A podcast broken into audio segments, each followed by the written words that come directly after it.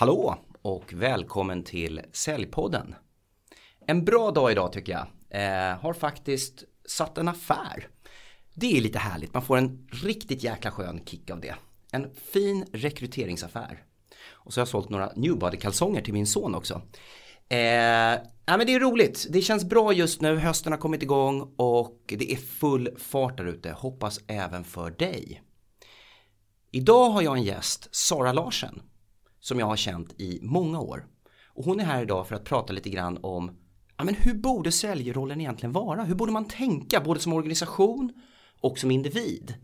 Vad är utmaningarna egentligen med hur vi sätter upp våra säljorganisationer idag och hur vi driver vårt sälj? Välkommen Sara!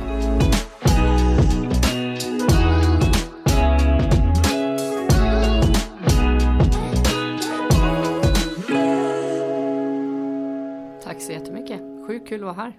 Hur mår du? Ja, jag är också på den där affärsvågen som du snackar om. Så att livet är bra.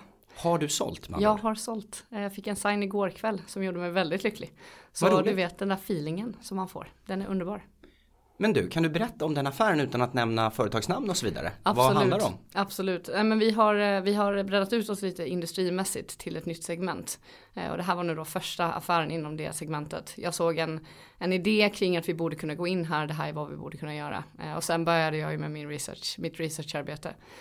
Hittade rätt individer började dialogerna och nu kom vi i mål. Men det gick ju också väldigt fort så uppenbart fanns det ett behov där som vi identifierade på ett bra sätt. Så det är superkul att få det där första foten in eh, och kunna börja visa med en faktisk kund att här kan vi skapa värde. Vilka är vi? Eh, vi är CAND eh, där jag jobbar som eh, Head of Key Accounts och konsult och säljare och SDR och allt möjligt inom sälj. Jag jobbar även en del med vår konsultleverans ute och utbildar mycket säljteam hos våra kunder. Mm. Vilket är en av anledningarna till att jag tycker det här ämnet är så sjukt intressant. Och vem är du? Vem är jag? Ja. ja, Sara heter jag ju då, det vet du redan. Ehm, och jag har jobbat med försäljning som yrke i 19 år. Eh, det här är en av de mest fantastiska yrkena man kan vara i och jag har haft möjlighet att fortsätta jobba med det här under väldigt lång tid. Ehm, och ehm, sen är jag mamma, jag har en 14-åring hemma eh, med allt vad det innebär. Eh, och sen är jag en total thaiboxningsnörd, jag älskar att spela World of Warcraft och jag är överlag bara en person som nördar ner mig i väldigt konstiga saker ibland. Så det är jag. Vad roligt. Ja. Och du har ju nördat ner dig en hel del i försäljning. Du har nördat ner dig i social selling. Mm. Och du har nördat ner dig i hur ska man säga, hur, hur organisationer borde bygga upp sina, mm. Eh, sina alltså säljorganisationer. Då. Mm. Berätta, hur ser du på säljrollen och vilka utmaningar ser du i hur, hur det är uppbyggt idag? Mm. Det där är en jättebra fråga. Redan när jag började föreläsa om social selling för 6-7 år sedan så slängdes det runt väldigt mycket siffror kring säljarens roll och hur oviktiga vi skulle vara 2020 och nu är vi ju 2021 så det är väldigt intressant. Här sitter vi båda inom sälj, går alldeles utmärkt att vara med sälj på ett visst sätt fortfarande. Eh, och det man också fick väldigt tydliga indikationer då från marknaden om det var att kunder upplever inte säljare som värdeskapande. Det, är liksom, det, det, det finns en punkt bakom, den, bakom det statementet. Ni är inte värdeskapande i er roll. Eh, och det tror jag är en jättestor utmaning. Så nu när jag är ute och jobbar mycket med att modernisera hur vi ser på rollen sälj i våra, våra kunders bolag. Eh, så, är, så finns det ett antal utmaningar. Eh, nummer ett är långsiktighet. Alltså långsiktighet i en karriär inom försäljning, både på individnivå i hur man själv ser sin, sin, sin affär eller sin, sin karriär och för bolagen. Hur de ser på sina säljroller och sina individer som sitter i den rollen. Så långsiktighet är en jätteutmaning som inte finns i princip. Men berätta, långsiktighet, det är väldigt, väldigt lätt att det här blir en klyscha. Några yep. sitter till och med så här och stör sig tror jag så här. Långsiktigt, jag har en kvartalsbudget, jag måste sälja nu, jag måste ha mat på bordet. Mm. Här står någon och pratar om långsiktighet. Min chef är inte långsiktig. Kan du utveckla, vad mm. tänker du? Men just det du säger om att min chef är inte långsiktig, det är ju precis en av utmaningarna. Att vi har en, ett kvartals eller månadsliv. Och det är så vi ser på hela den rollen som ska dra in alla intäkter till vårt bolag. Eh, det är en väldigt kortsiktigt sätt att se på det. Att vara långsiktig innebär inte att du inte kan leverera kortsiktigt också. Det mm. går alldeles utmärkt att kombinera de två delarna. Och jag tror att när vi börjar prata med våra säljorganisationer som säljchef eller som ledningsgrupp till våra säljare eh, kring de här bitarna. Då ser man att de går inte emot varandra. De går ihop med varandra på ett alldeles utmärkt sätt. Men frågeställningen som, vi kan ta ett exempel. Vi anställde precis en ny Customer Success Manager. En, en tjej som är helt fantastisk. Nu har hon varit på plats sedan i början av augusti. Och en av sakerna vi pratade med henne om in, i intervjuläget redan var att vår ambition som arbetsgivare i sammanhanget det är att se till att du har en verktygslåda som gör dig väldigt bra skillad för nästa steg i din karriär. Som inte nödvändigtvis är hos oss såklart. Därför att vi sitter inte på, på jobben och väntar på guldklockan längre. Det är inte så vår värld fungerar eh, idag. Eh, utan det handlar om att bygga en individ i en karriär. Och om man börjar ha de samtalen med sina individer, då kommer de också börja tänka på det sättet om sin egen karriär. Så mm. det här är ett samspel som behöver komma till plats. Och idag så kommer det in juniora säljare i en roll de har sina första chefer och det första de lär sig är en väldigt kortsiktig syn på affären, på kunden, på relationen och på förtroendet som vi är ansvariga för att skapa och hålla som säljare i relation till våra kunder. Eh, så, så jag tror att en del av det handlar om att få upp det på agendan. Mm. I, även när man rekryterar. Att mm. vi vill ha en långsiktighet för dig som individ i din karriär. Vi vill vara ett steg på vägen. Mm. Vi vill gärna vara ett långsiktigt steg på vägen där du stannar i några år hos oss och utvecklas. Men vi förstår att vi inte är the end of the road. Det kommer mm. mer för dig. Och vi vill se till att du är så skillad du kan när du ska ta det nästa steget. Mm. Har man den ambitionen då får man en annan typ av dialog igång. Och man får en 22-åring, 23-åring att börja tänka. Vi måste hjälpa dem med den, med den insikten genom att prata med dem om det. Mm. Eh. Ja, det är svårt att veta eh, vart man ska om man aldrig har gjort det tidigare. Ja. Då behöver det ju finnas ett ansvar hos en chef att måla upp den här vägen och att det inte tar kanske sex månader innan det är dags att byta jobb etc. Nej. Utan det tar lite längre tid att lära sig. Mm. Men kan vi grotta ner i det här med långsiktighet versus kortsiktighet mm. ytterligare. Mm. Långsiktighet i kundrelation. Kan ja. du utveckla vad du menar? Ja, i grund och botten så handlar det om att man har, man har personligen för mig, jag har ett intresse inom försäljning som egentligen grundar sig i psykologin bakom människors beteenden. Det betyder också att när jag då hittar en kund där jag och den personen, individen hos kunden samspelar väldigt väl, då vill jag ju säkerställa att när jag byter jobb eller den personen byter jobb så fortsätter vår relation. För jag värderar relationen i sig. Den behöver inte alltid innebära pengar i det ögonblicket. Mm. Långsiktighet i relationen handlar om att se över en längre period period av tid, 10, 15, 20 år. Hur kan vi på olika sätt längs med vägen skapa värde för varandra? Mm. Mitt jobb är ju att hjälpa människor uppnå sina mål. Det är mm. mitt jobb i min säljroll, så som jag ser på den. Mm. Jag vill hjälpa en individ på ett bolag att lyckas bättre. Jag vill hjälpa ett bolag att lyckas bättre med vad det nu är de har för utmaningar kring. Och sen vill jag fortsätta hjälpa individen. För när man träffar individer man trivs med och har förtroende för. Varför skulle man schabbla bort den relationen? Den är ju jätteviktig mm. att hålla tag i och se till att personen känner sig uppskattad och behövd och sedd och hörd och viktig. Mm. Precis som jag då i interaktionen kommer att känna mig behövd, viktig, sedd och hörd. För det går åt båda hållen. Um, så ett typiskt exempel om man ska tänka liksom utifrån perspektiv få in pengar. Vi tar det som det, det här är ett bra exempel. Om jag då säljer till ett företag som är rätt för mig där jag kan börja leverera värde och sen slutar den personen och börjar på ett nytt bolag. Då öppnas en ny dörr. Mm. Och plötsligt över tid så har jag byggt en portfölj med människor. Mm. Min portfölj med människor, min crew, min, mina, mina folk. Som sen kommer att öppna dörrar så fort jag byter jobb. Så mm. fort jag behöver ha ett nytt jobb kanske. Så fort jag eh, behöver fylla på min pipe. Mm. De kommer öppna dörrarna åt mig, vilket gör att arbetet jag behöver lägga ner blir inte så slitsamt. Mm. För de vet redan att jag ringer inte och försöker sälja någonting om de inte ska ha det. Eller om Nej. deras eh, vän som de har som är vd på ett annat bolag inte ska ha mina tjänster. Mm. För de har sett mig tacka nej när det inte passar utifrån vad de behöver till exempel. Mm. Och det är också en långsiktighetsfråga.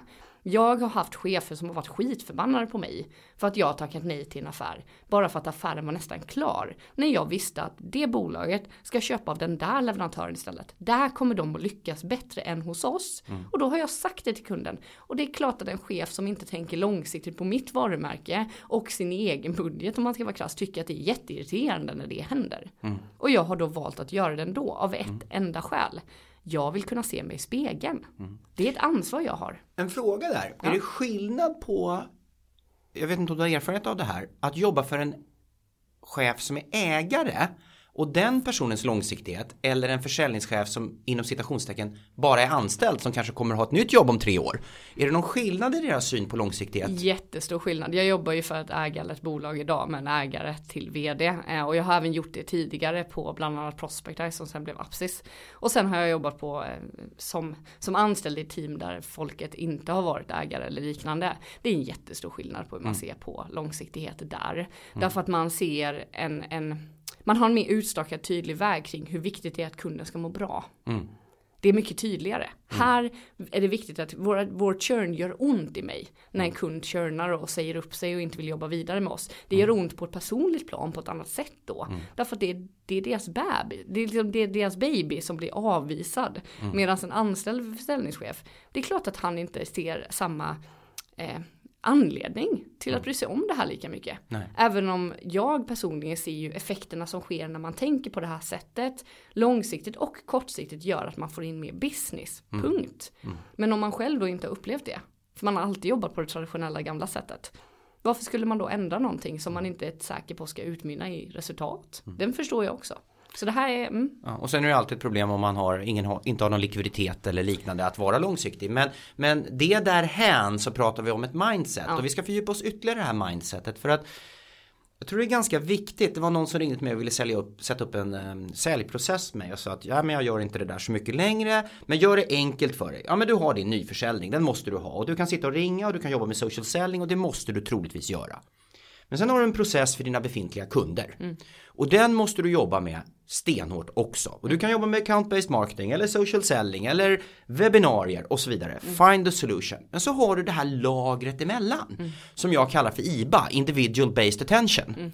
Som är dina nyckelpersoner. Och här tog vi fram en modell, Alexander Slotte, reklam för Top of Heart. Som heter 5L-modellen som mm. delar ut, upp nätverket. Där de högsta nivåerna mm. handlar om bankinsättningar som vi har gjort i varandra mm. av förtroende. Mm. Där det finns forskning, tydlig forskning som säger 86% av nöjda kunder eller människor skulle rekommendera dig. Mm. Men bara 6% frågar. Ja. Och faktum är att vi har ingen koll på de här. Vi jagar likes istället för att bygga värde för vår kärngrupp. Mm. Hur tänker du kring det efter min långa harang? Nej, men jag tänker att när jag fick höra om den eh, strukturen ni byggde där så insåg jag att jag alltid har jobbat så. Jag har bara inte tänkt på det medvetet. Jag har haft en struktur. Jag hade till exempel en period så hade jag i kalendern tid avsatt för att höra av mig till x antal människor som låg på en lista. Mm. Mina människor. Mm. Jag gör inte det längre därför att nu har jag naturliga anledningar och det sker av sig själv. Men få hitta strukturen kring att faktiskt ringa det där samtalet. Hej hur mår du? Det, det, är så små saker som man kan göra. Och i slutet av ett sånt samtal så är det väldigt enkelt. Och bara by the way jag sitter just nu och tänkte jag skulle boka lite möten. Det här är idealkundsprofilen. Har du mm. någon rekommendation? Rekommendation på någon jag borde prata med som du känner som har en utmaning med det här. Mm. Och så får man ett namn. Eller så mm. får man inget namn och det är okej. Okay. Mm. Därför att målsättningen med samtalet var inte bara det. Målsättningen var faktiskt också att få höra hur personen mår. Mm. Alltså, och när man ringer de samtalen och det har varit ett tag sedan man tog kontakt senast. Då kan folk vara så här, men gud vad kul att du ringer. Mm. För det är ingen som gör det, mm. såklart. Så det här är liksom, det här handlar ju om att förstå vad är min kärngrupp och det som är intressant för min del det är att portföljen jag tar med mig oavsett vilken arbetsplats jag är på, det är min kärngrupp. Mm. De köper inte alltid på varje bolag är. Men de är kärngruppen för att de på något sätt så, så gör vi de här insättningarna i varandra. Mm. Och det kommer också tillbaka. För det är också så, det är en two way street. Vi måste ju ha folk i kärngruppen som vill också ha en dynamik med dig. Mm. Det kan inte bara vara att du vill ha en dynamik med dem. Det måste ju mm. vara en, en, gemensam yta. Det är en ömsesidighet. Ja, väldigt mm. mycket så. Jag menar det är ju bara att ta dig och mig som ett exempel. Mm. Eh, hela det här med att strukturera upp och prata, att, att höra av sig regelbundet i kalendern, det är ju från dig. Mm. Ja. så där var min deposit som jag fick av dig. Och vår relation har ju utspelat sig så ända mm. sedan vi träffade varandra egentligen. Absolut. Där jag har bollplankat med dig när jag mm. har suttit i situationer med arbeten där jag inte velat, liksom, inte 100% vetat vad jag skulle ta vägen som här nästa steg. Försöka utveckla liksom min egen karriär och ta stöd av dig. Mm. Eh, och jag tror att någonstans så bygger det en, en känsla av, av vänskap. Mm. Och, och, för mig är vänskapen viktig i affärer. För det kan man inte få om man inte har lyckats leverera värde. Mm. Man, kan inte, man kan inte ha en vänskapsrelation utan det. I business-sammanhang. Och jag bollade med dig 2015 när vi skulle digitalisera försäljningen inom, inom Wise Group mm. där jag jobbade då. Så att det där är mycket riktigt en ömsesidighet. Mm. Och jag vill komma tillbaks till hur man gör om man då är kanske en yngre eller en ny säljare för att börja göra de här bankinsättningarna. Men det vi pratar om här är hur långsiktighet i form av att bygga ett svinstarkt nätverk av love och likes som jag har valt att döpa det till. Samtidigt som du då kanske driver dina vanliga säljprocesser och förhoppningsvis om du säljer på rätt sätt och med en schysst sätt så kommer det poppa upp nya love och likes i den försäljningen du gör här borta. Och det här får långsiktighet och kortsiktighet att merga. Men nu kommer poängen. Det är att du kan spela Clash Royale eller vad det heter, jag är lite för gammal för att kunna namnen på de här grejerna. Och du kan läsa någon ledarskapsbok och det är jättebra säkert. Men det går också att lägga 20 minuter om dagen på det här strukturerat. Att kontakta människor osjälviskt för att fortsätta att bygga relation. Men kärnan i det här är, det måste vara äkta. Det känns direkt och det är säkert någon som har pratat med mig som tror att jag har en baktanke. Jag skulle bli förvånad annars. Men det är oftast inte så. Utan den är i så fall sjukt långsiktig den baktanken. Men, men jag måste bara få bryta in här. Det du säger nu, det här med att det måste vara äkta. Någonstans längs med vägen i en karriär så stöter du på människor som du automatiskt gillar. De människorna, där har du ingen uppförsbacke. Där är det, för, för, du kommer inte känna ett ömse, du kommer inte känna ett gillande för någon om det inte är ömsesidigt. Nej. Det är liksom en signal som bara klick, vi gillar varandra, du är en person jag trivs vara runt. Bra, de människorna ska vi utveckla vidare därför att de är det naturligt för oss att vilja ha en relation till. Just idén med att göra det här på ett oäkta sätt för att man ska tjäna pengar långsiktigt eller skapa en karriär långsiktigt. Det kommer inte att hålla i längden. Nej. Punkt. Så det är ingen idé att ens försöka det. Nej. Alltså jag har byggt hela min sociala närvaro på LinkedIn på äkthet. Mm. Därför att så fort jag går utanför det, då har vi problemet med spegeln igen. Mm. Det här är min utmaning med min spegel. Att jag kan inte se mig själv i spegeln om jag inte är 100% mig själv. Mm. Inte bara för att jag tycker om hur jag är, utan också för att det inte är genuint mot andra människor. Det gör ju också att jag hamnar i situationer ibland där jag inte kan sälja till en person som har behov. För att jag gillar inte personen, vi kommer inte ha en bra leverans tillsammans, vi kommer inte att lösa problemen tillsammans. Och i grund och botten så tror jag någonstans att då är det bättre att vi inte gör affärer. För det kommer inte att bli bra. Nej. Så då har jag liksom valt att, att släppa en kortsiktighet för en långsiktighet i de relationer. För det ska ge energi för oss båda att vara i en sån relation. Men det jag tänkte också bara, jag måste lägga till det här med kortsiktighet. Alla de här sakerna, den här långsiktigheten förutsätter att du tar din budget. Ja. Det förutsätter att du jobbar med din research, att du bokar dina möten, att du går på möten, att du jobbar med att bygga värde. Det förutsätter det. Annars kan långsiktigheten inte, inte finnas. Du måste ta din budget idag. Och då är frågeställningen, vad finns det för utmaning med att göra det då? För det är en annan fråga för en juniorsäljare. Bra. Vad finns det för utmaning med att göra det då? Vilken segway till min fråga. Ehm, och och det, det här, för mig så kommer det här tillbaka till det som har sagts under flera år. Det här med att säljaren, säljaren blir onödig. Säljaren skapar inte värde. Kunden upplever att 20% bara av säljare skapar värde. Resten gör inte det. 80% sitter i kundmöten där kunden känner bara, jag kunde ha levt utan det här. Och då är frågan, vad gör vi då? Eh, antingen fortsätter vi jobba på ett väldigt kvantif- kvantitetsbaserat sätt. Där vi bara slänger ut 100 mail om dagen, skitbra, vi bokar massa möten med folk som inte känner sig speciella. Vi genomför mötena på ett sätt som gör att de inte, det handlar inte om kunden, det handlar om dig. Och sen fortsätter vi det hjulspåret. Eller så väljer vi att göra någonting annat. För mig så finns det tre saker. Vi måste börja skapa värde. Och vi måste våga utmana oss själva när vi gör det. Exempelvis som jag gör ibland när jag har kommit ut kundmöte. Jag frågar kunden. Skapar det här värde för dig? I början av ett kundmöte så frågar jag också kunden vad skulle skapa ett värde för dig i det här mötet? Och sen levererar jag det de säger skulle skapa värde. Vi måste kunna hjälpa dem att få, för det är en timme av deras liv de aldrig får tillbaka. Se till att det är värt tiden. Så skapa värde och vill man, vill man jobba med att förstå vad värde är, då måste man i princip sätta sig med typ en motsvarighet till en beslutsfattare hos en kund och börja fråga saker. Man måste börja förstå, vad är värde för dig i din roll? Och sen måste man läsa på om sin bransch. Det finns ganska mycket research man behöver göra för att bli duktig på att skapa värde till vissa nischer. Och där, med det sagt, välj bara några stycken nischer. Gå inte på allt. Du kan inte bli bra på allt, det är helt omöjligt. Och sen nummer, nummer två i det är att träna. Alltså vi, vi, vi är ute och spelar match hela dagarna men vi tränar inte. Eh, så träna är superviktigt i det här sammanhanget och träna handlar om att utvärdera, bara det, bara att börja utvärdera ett kundmöte, spela in dina online-möten, sätt dig och titta. Vad, vad säger jag egentligen? När jag började göra det här, och det här är ju jättelänge sedan, men när jag började spela in mina online-möten, det är fyra fem år sedan, när jag började ha online-möten för det var effektivare, även innan pandemin. Eh, och började titta på mina möten så tänkte jag bara så här, men gud jag hade kunnat låta bli att säga 80% av vad jag sa. Mm. Och då hade jag ändå jobbat i typ 14 år med sälj. 80% av vad jag sa var helt meningslöst. Mm. Men, men någonstans måste man ju vara den, man måste coacha sig själv till att bli bättre på det här. Mm. Eh, och nummer, nummer tre i listan för en ny juniorsäljare, utmana kund och dig själv hela tiden. Mm. Utmana ert budskap, utmana vad det är för problem ni egentligen löser, utmana vad är det jag säljer egentligen. Ja. Den typen av frågeställningar, för när man go through the motion som säljare när man är ny, då gör man vad som chefen säger. Mm. Sluta med det, börja Mm. utmana. Mm. Vad är det som funkar för mig? Vad är det som gör att jag blir exalterad för det här kundmötet i den här branschen och är helt ointresserad av kundmötet i den här branschen? Vad är det som då gör att det mötet blir dåligt? Ja men det är väl självklart, du är inte intresserad. Så, så, så det här handlar om att hitta sin egen profil. Mm. För mig så, gick det ganska, så blev det ganska snabbt klart tydligt att säljchefer ska jag sälja till. VDR som är säljdrivna ska jag sälja till. Marknadschefer som inte är säljdrivna ska jag inte prata med. Det blir inget bra samtal.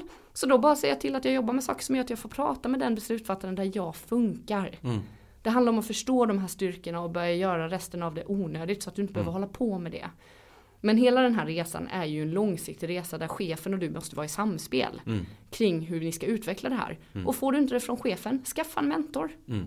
Gå utanför organisationen, leta upp någon som sitter i en roll som mimikerar det du vill göra, Mm. det du vill vara i din säljroll och börja se på det som en seriös karriär. Mm. För det är en fantastisk karriär. Så utvecklande att jobba med det här yrket. Mm. Och jag älskar varje dag. Så då tänker jag att det handlar bara om att hitta sin, sitt space i det här. Vem är jag? Vad vill jag vara för säljare? Men försäljning är ju lite grann som allt annat i livet som man vill bli bra på. Alltså det är ju jätteviktigt att man lägger upp en struktur för sin egen utveckling. Jag tycker du lyfter det här jättebra kring hur man konkret måste tänka. Men den tredje punkten, den är väldigt beroende av de andra två. Det handlar ju om att våga utmana. Och jag minns ganska väl ett kundmöte 2004 när jag var med min nya chef på det här. Och jag, och det här är lite roligt, jag tror väldigt många säljare vet att de ska fråga saker och ting. Jag, jag tror faktiskt att folk har kommit dit. Men man kan inte för det är en skill. Eh, och jag satt på det här mötet och eh, min chef ställer massvis med fantastiska frågor. Och jag blir mer och mer imponerad av min chefs frågor. Och jag blir mindre och mindre självsäker faktiskt. Men känner jag måste ju säga någonting. För jag tillför ju inget värde i det här mötet. Vad gjorde jag här överhuvudtaget? Men jag har verkligen ingenting att komma med. Jag känner verkligen det. Till slut kommer någonting, goddag yxskaft fråga som de tittar på och så bara svarar de artigt på den frågan. Och då insåg jag att nej men jag måste bygga på min kunskap och min erfarenhet och målet måste vara att kunna ställa de här frågorna, att våga utmana, att våga säga nej, att vara en challenger. Det här var i 2004. Det var en enorm drivkraft för mig i kombination med att jag ska kunna säga nej till kunder. Och du kan bara säga nej när du har mat på bordet. Ja, det är verkligen korrekt. Så när det gäller det här med att kunna utmana, för du är helt rätt, rätt på det såklart, att utan kompetens så kan du inte utmana. Men jag tror att utmaningen vi oftast möter när man är juniorsäljare, när man precis har kommit igång, man kanske är två år in, det är att man har inte hittat de spacen där man vill ha kompetens inom. Och då pratar inte jag om sälj, säljmetoder, jag pratar om de du pratar med, din mottagare i ett kundmöte. Vad har de för situation? Om du ska sälja till en CFO, men du vet inte vad CFO gör. Då kan du inte sälja på ett effektivt och utmanande sätt till en sån roll. Så du måste börja prata med CFOer. Alltså det jag gjorde var att jag började, jag började bjuda säljchefer på lunch och började prata och ställa frågor till dem. Utan ambi- ambitionen var inte att sälja då. Ambitionen var att fatta.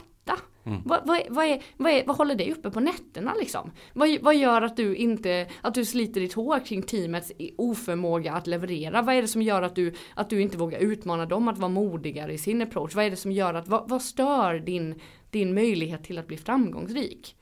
Det behövde jag förstå. När jag väl förstod det, då kunde jag gå in i vilket rum som helst med en säljchef. Och han, han gick därifrån och kände bara shit, hon har bättre koll på min roll än vad jag har. Bra, då har jag lyckats.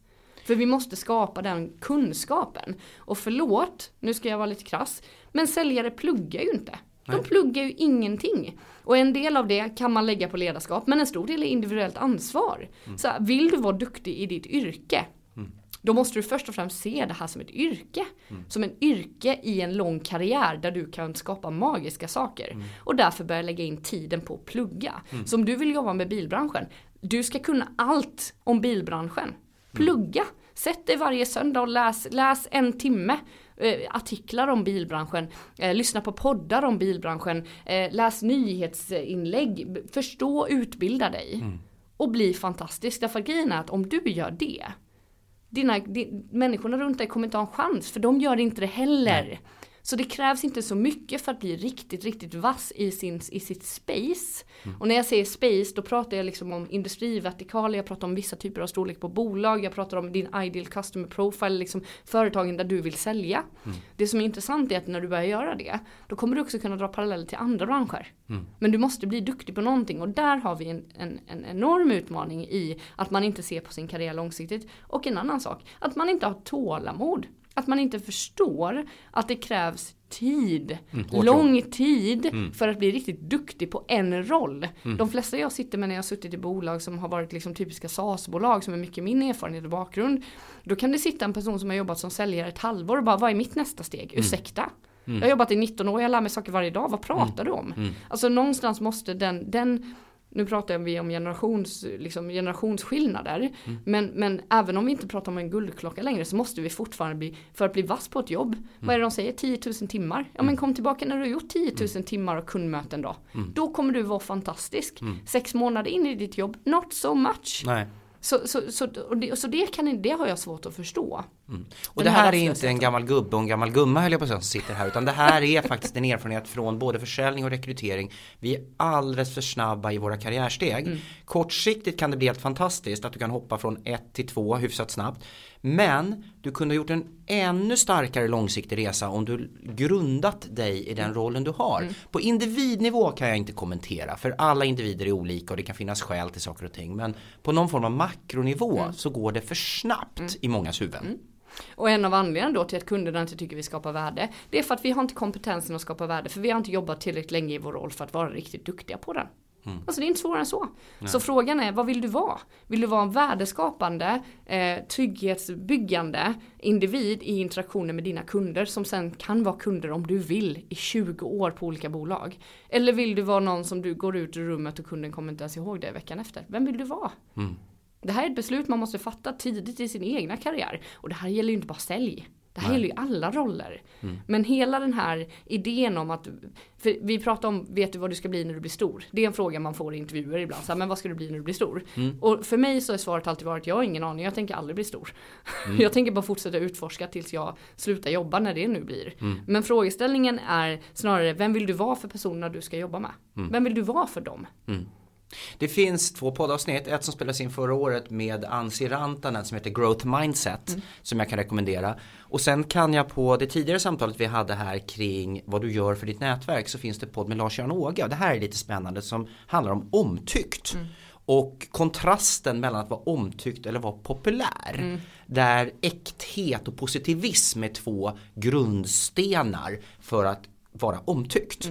Eh, Det kan man faktiskt lyssna på för det, på något vis så är det då två forskare som knyter samman till det Sara säger som har en experience från att jobba med sälj. Så det är lite spännande tycker jag. Eh, Sara, har du någon koll på, kanske en konstig fråga, men skit i det. Har du någon koll på personer för 7-8 år sedan som, tacka, som du tackade nej till eller tackade nej till dig i en affärsdialog Ja, absolut. som du, som gillar dig? Som, är det många som Ehm, hör av sig igen nu? Ja, alltså det jag kan säga Hur vet man det de, alltså ja, som men säljare? De personerna som tackar nej till mig kommer jag ihåg. Ja, Alltså alla. för att du har ett sjukt Jag- bra minne eller för att det är så nej, få? Nej, utan, nej, nej, nej, nej, nej, utan, utan det är massor med folk längs med genom åren som där vi inte har varit en bra match eller på grund av situation eller timing och så vidare inte har varit passande. Mm. Eh, som inte har blivit av. Men anledningen till att jag kommer ihåg de människorna det är att de sätter sig hos mig. Mm. För jag, om, speciellt om jag inte förstår exakt vad det var som hände. Mm. Jag, jag kommer ihåg en typisk situation där jag, hade, där jag fick ett, ett nej trots att allting i processen hade gått, allting hade gått mot ett ja. Alla delar i processen hade gått mot ett ja, sen plötsligt så blev det ett nej. Mm. Sen var jag tvungen att ringa upp och liksom förtydliga och förklara och få, få liksom en förklaring och ställa en massa frågor och bara vad hände? Och så fick jag reda på varför. Men i grunden så är det så, när den situationen uppstår och jag inte förstår den, då sätter den sig ännu mer. Mm. Så jag har som sagt ett gäng sådana människor. Alla är i, mitt LinkedIn-nätverk. Mm. Eh, och vissa av dem talar jag med regelbundet fortfarande. Mm. Därför att det fanns en, en, en omtyckthet mellan ja. oss. Även om min produkt eller det jag sålde då inte passade. Mm. Så absolut har jag koll på det. Mm. För de är ju inte oviktiga bara för att de inte gav mig pengar just då. Nej. De är ju viktiga för mig ändå. Och hur eh. skiljer man på vem man ska fortsätta hålla kontakten med? För att en säljare till exempel som, som arbetar och pratar med 300 personer om året eller vad det nu må vara. Eh, och så kanske 30 köper, då är det 270 kvar. Mm. Hur väljer man vem man vill föra en dialog med framöver? Eh, och hur gör man det? Både då om det är social selling eller om det är eller, Kanalen förlåt, spelar ju digitalt roll, eller ja. eh, utan Hur gör man? Dialogen. Ja men i grund och botten så är det så att när du går ut till säljmöte så kommer du känna i magen om du borde fortsätta prata med den här personen eller inte. Bra. You will know. Mm. Det, här, det, det, som händer är att du ignorerar det mm. och bara går vidare med ditt liv. Mm. Men någonstans i grunden så kommer du veta vilka du borde fortsätta föra dialog med. Mm. Antingen för att de inspirerar dig eller för att du tror att de kommer göra fantastiskt spännande saker framåt eller vad det nu handlar om. Men i magen kommer det bara vara så här, den här personen borde jag fortsätta ha koll på och mm. prata med. Mm. Eh, skriv ner det. Mm. Alltså det lättaste sättet att göra det här, skriv ner det. Mm. Connecta med dem på LinkedIn, skriv ner deras namn, ha en bok, en svart bok med fantastiska människor eller vad du nu vill kalla det, en Excel, mm. whatever. Mm. Skriv ner det. Lägg in dem i din to-do, hör av dig till dem varje kvartal och bara säg hej. Alltså ja. det är inte svårare än så här. Det här är bara som man gör när man strukturerar upp sitt prospektarbete. Mm. Det är samma grej. Mm. Lägg tiden. Mm. För du, du, även om du bara får ut värde nästkommande år av 5% av de människorna. Året efter kommer mm. det också hända. Året efter kommer det också hända. Och så löpande så sker det saker som ger dig möjlighet att ta budget nu. Mm. Med hjälp av de här individerna. Mm. Men det här är bara, och det här är en utmaning som, som säljrollen överhuvudtaget kämpar med fan get some structure. Mm. Strukturera upp din vecka. Ha timeslots för när du ska göra saker. Alltså mm. det kan ju inte vara, och jag sitter här och tycker att det är hur enkelt som helst. Mm. När jag började så var jag inte en strukturfascist. Nu är jag det. Mm. Därför att det är det enda sättet för mig att se till att jag fortsätter hålla relationerna vid liv med de människorna jag vill ha relationer med. Mm. Punkt. Det är lite intressant för att eh, enkelt uttryckt i min värld för att ha struktur. För jag är inte en person med liksom extrem noggrannhet. Nej. Jag kompenserar det kanske med lite kontrollorientering och lite resultatfokus. Eh, men det är ju så här att på LinkedIn finns alla människor som jag inte känner idag och de pratar jag med där. Mm. Eh, mina linked som jag kallar dem för, mm. De finns på LinkedIn och i mitt CRM-system. Mm. Mina like och loves, de finns i mitt CRM-system på LinkedIn och i min telefonbok. Ja, och varje enkelt. morgon går jag igenom min telefonbok och så tittar jag, vem är det jag är sugen på att ringa idag? Eller vem behöver jag ringa idag? Mm. Eller vem har jag sett fyller år som jag mm. genuint vill ringa och gratta eller mm. smsa och gratta? Mm. Och så finns det olika skäl. Eller vem var det som förra veckan hade brutit benet eller berättat för mig att de hade en kris eller vad det nu var. Och så gör jag bara så gott jag kan eh, från det. Så det finns en struktur och så finns det någon form av hjärta och hjärna och så finns det en förhoppning att det går så bra som möjligt.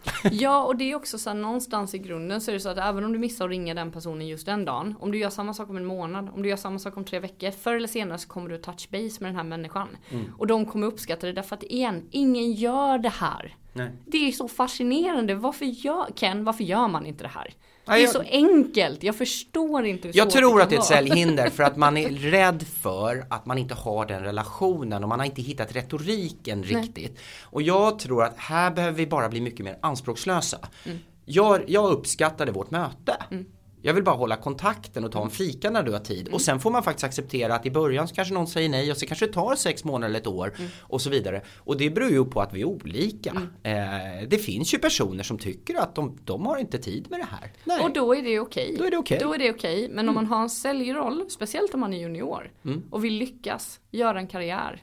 Mm. Och bli viktig för beslutsfattare runt om i vad det nu är för region du jobbar i. Mm. Då är det här ett väldigt starkt steg mot den möjligheten till att mm. göra den där karriären. Mm. Och det är så fruktansvärt givande. Jag kan säga att väldigt mycket av min leveransmodell idag, allting som jag jobbar med idag, hur jag jobbar, det kommer från de här människorna. Mm. De har längs med vägen pusslat ihop massa, gett mig massa pusselbitar och verktyg. Mm. För att man bara har ringt dem, eller mm. haft en lunch, eller pratat, eller umgåtts på något sätt. Och fått en liten del av deras kunskap. Och de har fått detsamma av mig. Så i en livslång försäljningsplan Mm. och i en livslång karriärbyggande är du, jag gillar inte ordet, men senior eller du har jobbat länge inom sälj. Mm. Eh, då bör du titta i ditt nätverk, vem har du så att säga, vem gillar du? Mm. Och vem har du gjort så kallade bankinsättningar i, ni känner förtroende för varandra. Börja få en struktur kring att fortsätta underhålla och skapa en relation till de personerna. Är du junior eller har jobbat kortare tid inom säljyrket. Börja sätta upp den här strukturen och jag kan ta något exempel. Det finns en kille som heter Wilmer på ett bolag med e-signering. Nu vet ju alla ungefär vem det är. Fantastisk på hur han drev säljprocessen och jag hoppas verkligen han hör av sig till mig längre fram på olika sätt. För att det är liksom fantastiskt. Jag kunde bara inte köpa just nu. Nej. Jag kunde bara inte köpa just nu. Men jag kände genuin förståelse för det. Det var precis lagom allting. Det var uppföljningar, det var struktur. Så att fan det här var en kontaktannons. Men ibland krävs det inte mer. Men nu är det upp till den här personen om han tycker att jag är tillräckligt intressant att på något vis fortsätta hålla relationen. Men fantastisk insats. Eh, Men det är så intressant när du säger det. Nu måste jag ställa frågan. Vad får dig att avgöra om du ska hålla kontakt med någon eller inte? För, det, för, för mig är det gut feeling, bara. Men vad får, för jag menar, man skulle ju kunna vara väldigt krass. Så skulle man kunna säga, men Ken, han har koll på ehm, eh, marknaden. Han har jobbat länge, han har stort kontaktnät. Jag vill utnyttja den ytan han har. Och skulle man kunna bara titta på din karriär och vad du har gjort. Eller så går man på vem du är så man upplever dig. Och så fattar man beslutet på det. För den andra, den andra strukturen, grejen är att jag har ju människor i mitt nätverk som jag träffade när de var jättejunisar. Som jag började erbjuda coaching till. För jag känner bara, det här finns potential i den här människan. Gud vad jag älskar hur de ser på världen. Jag vill vara med och forma lite. Om jag kan vara med och hjälpa till till att göra lite vassare så vill jag göra det. Jag gjorde det självklart for free för det gav mig massa saker också. Och de personerna har ju utvecklats till att bli starka spelare. Men de var ju inte det när jag träffade dem. Där fanns Nej. potential men det var inte finslipat. Det var ingen diamant. Ännu. Men det fanns potential. Och de människorna skapar fördelar för mig längs med vägen på olika sätt också. Men det är inte syftet. Men det blir så. Det är grädde på moset. Det är jättefantastiskt. Men hur bedömer du själv? Nej, alltså jag tror att väldigt mycket av beslut fattar vi på känsla. Men enligt Kavi så finns det ju fyra sätt att bygga förtroende egentligen. Det första är integritet. Det andra är att man har goda avsikter. Det tredje är genom att ha hög förmåga och eh, liksom bete sig vettigt. Så. och det fjärde är eh, resultat. Och det är klart, om man bockar i alla fyra eh, ganska snabbt. Jag ser att det här är en person med goda avsikter, ärlig reko, eh, kan sitt yrke jättebra och har gjort resultat. Då är det check in the box på alla fyra. Men det kan man ju inte visa som helt ny när man träffar mig första gången. Nej. Då tror jag att jag tittar jättemycket på avsikten och min känsla kring avsikten. Tror jag till exempel, känner jag att frågorna är genuina? Är frågorna ställda för min skull eller om del av en säljprocess? Det där är jag ganska snabb på. Och sen finns det en jättelätt check in the box. Och jag har full respekt för att på individnivå kan det finnas förklaringar. Men det finns människor som ganska snabbt, de bara försvinner. De har levererat ett bra första intryck och de har gjort det ganska bra. Och sen så fort du säger, men det hörs om fyra veckor och de inte hör av sig, då vet man att man var en del i en process ofta. Sen kan de ha tappat en puck. Och så har du de som ghostar när du behöver hjälp i någon form. Och då blev jag sur för tio år sedan. Eh, nu har jag inte ork eller tid. Jag bara konstaterar att det kan bero på någonting. De kanske mår dåligt just nu. Eller så är de skitstövlar. Eller så är de bara ostrukturerade. Det är inte min sak att döma. Jag bara vet att då är det kanske inte en person jag kommer ha en livslång resa med i min karriär. Och om vi då ska flytta den beskrivelsen över till vad kunden upplever när de träffar en säljare första gången. Då är frågan till dig som jobbar med sälj. Hur många gånger checkar du i de här boxarna? I en interaktion med en kund. Och, och jag tror att alla säljare behöver ställa sig den frågan. För det du listar upp är normalt mänskligt beteende i hur vi bygger förtroende. That's it. Det är det det handlar om. Och just intention, nyfikenheten i att ställa frågor för, för att man vill förstå istället för att det är en del av ett skript man har för sitt möte. En genuin önskan att kunna hjälpa till. De sakerna. Så fungerar alla mänskliga relationer. Och då är frågan, när du lämnade ditt sista kundmöte för dagen igår. Kände kunden så? Om de inte gör det så måste du fixa det. Du måste ändra någonting. Så det är min uppmaning till alla som lyssnar på det här som jobbar i en säljroll. Om du inte checkar av de här rutorna för förtroendebyggande. Antingen byt karriär eller bli bättre. Och det jag säger nu ska inte förta det som Sara sa. Men ibland måste vi också acceptera att vi inte är omtyckta av alla. När vi har gjort vår analys och vi har försökt förbättra vårt eget beteende, för det är det enda vi kan påverka, så måste vi ibland bara släppa. Eh, jag kan inte vara modig, framåt, säga vad jag tycker på ett perfekt sätt i alla mina relationer hela tiden. Jag kan bara hoppas att så många som möjligt förstår att jag menar väl. Om jag pratar för mycket, för lite, råkar uttrycka mig lite fel. Eh, ibland så är det ett uttryck I'm okay, you're okay. Och hoppas att kunden känner så också. Ibland. Mm. Och jag håller med dig till viss del. Men mm. om kunden aldrig känner så. Nej men jag säger det, du, det liksom. förtar inte din Nej. del. Det är jätteviktigt mm. att hela tiden utveckla och påverka det du kan påverka. Mm. Men gräv inte ner dig. Nej, om det... det... inte går 100% hela tiden. Vi har en tendens att sikta mot vi har 75, 75 i NPS, eh, liksom kundnöjdhet. Varför har vi inte 78? Varför har vi inte 81? Och till slut så bränner vi ut oss. Mm. Så hitta din balans i det här. Ja, balans är viktigt. Jag kan göra en jämförelse till en relation där, när faktiskt när jag tänker på det. Så du har klart att du har rätt. Alltså jag utgår ifrån när jag säger de här sakerna, att människor är som jag är. Så det här är mm. mitt misstag. Jag utgår ifrån att, jag vet att varje gång jag ramlar får jag är fantastiskt. För det innebär att jag har försökt tillräckligt för att ramla. För mig är ramlandet en del av processen. Mm. Jag ser inte ner på det, men jag ser det som ett sätt att hålla mig medveten om sakerna som jag vill eh, kunden ska känna. Mm. Jag tror att någonstans är det så att jag har ju valt bort att jag sitter ju inte i rum med folk som inte borde gilla mig. Nej.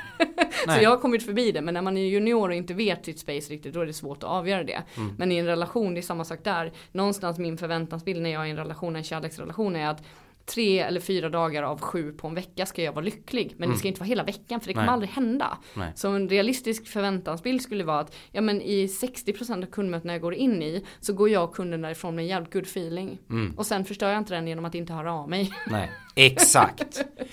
Sara, vi har rört oss kring långsiktig försäljning, långsiktigt karriärbyggande utan att för den skull egentligen ta bort behovet av att nå budget idag. Och så har vi pratat lite om varför och vi har pratat lite om hur. Mm. Men nu behöver man en summering mm. av det här avsnittet och några takeaways bara rakt av. Och det underlättar för mig när jag ska skriva faktiskt det här programavsnittet också. För då går jag bara in på de här sista 40 sekunderna och så tar jag det här rakt av. Mm. Så vad kommer det stå i presentationen av det här avsnittet? Bra fråga. Sammanfattningen är väl att om du vill vara riktigt skarp i ditt yrke, oavsett om du är junior eller senior i din säljroll, så behöver du jobba med en långsiktigt perspektiv på din karriär. Du behöver jobba med en långsiktigt perspektiv på dina relationer som du skapar under tiden du går igenom din karriär. Och du behöver jobba långsiktigt med hur du eh, själv ska vara, vem du vill vara för människorna i de här rummen du ska in i löpande genom din karriär. Eh, man måste kunna skapa värde för mottagaren. Då måste man vara påläst. Man måste fatta vad man håller på med. Man måste läsa på om sin bransch och sina space där man är. Eh, man behöver träna väldigt, väldigt mycket. Och man behöver utmana sig själv och kunden löpande genom hela processen. Det är väl min sammanfattning av vad en riktigt duktig säljare ska göra mm. dagligen. Bra. Och relationer, det byggs nog väldigt mycket av äkthet och faktiskt hårt jobb. Mm. Det är inte, man bara har inte en bra relation. Det krävs ett hårt jobb många gånger för att få det. Mm. Så läser ni på LinkedIn att hårt jobb inte gäller, då har de fel. Eh, det gäller överallt, hela tiden. Mm. Jobba för hårt däremot, det är ju tokigt. Ja, eller man... för mycket. Mm. Du behöver inte jobba mycket för att jobba hårt. Du kan jobba smart istället. Jobba smart. Stort tack Sara för att du var med och delade med dig av väldigt viktiga insikter både för säljorganisationer, säljare men kanske för hela säljyrket. Mm. Om vi nu vill att köpare ska träffa oss och vilja träffa oss mm. så är det väl dags att vi shapar upp. Och det gäller oss själva också som sitter här varje dag. Och tack till er som lyssnade. Hör av er till Sara på LinkedIn eller eh, på andra sätt som ni hittar på Saras LinkedIn-profil. Det är nog alltid enklast. Det är bara att ringa när som helst. Pick up the phone säger jag. Exakt. Och mig når ni på samma sätt. Eh, och ha en underbar affärsvecka. Hej hopp!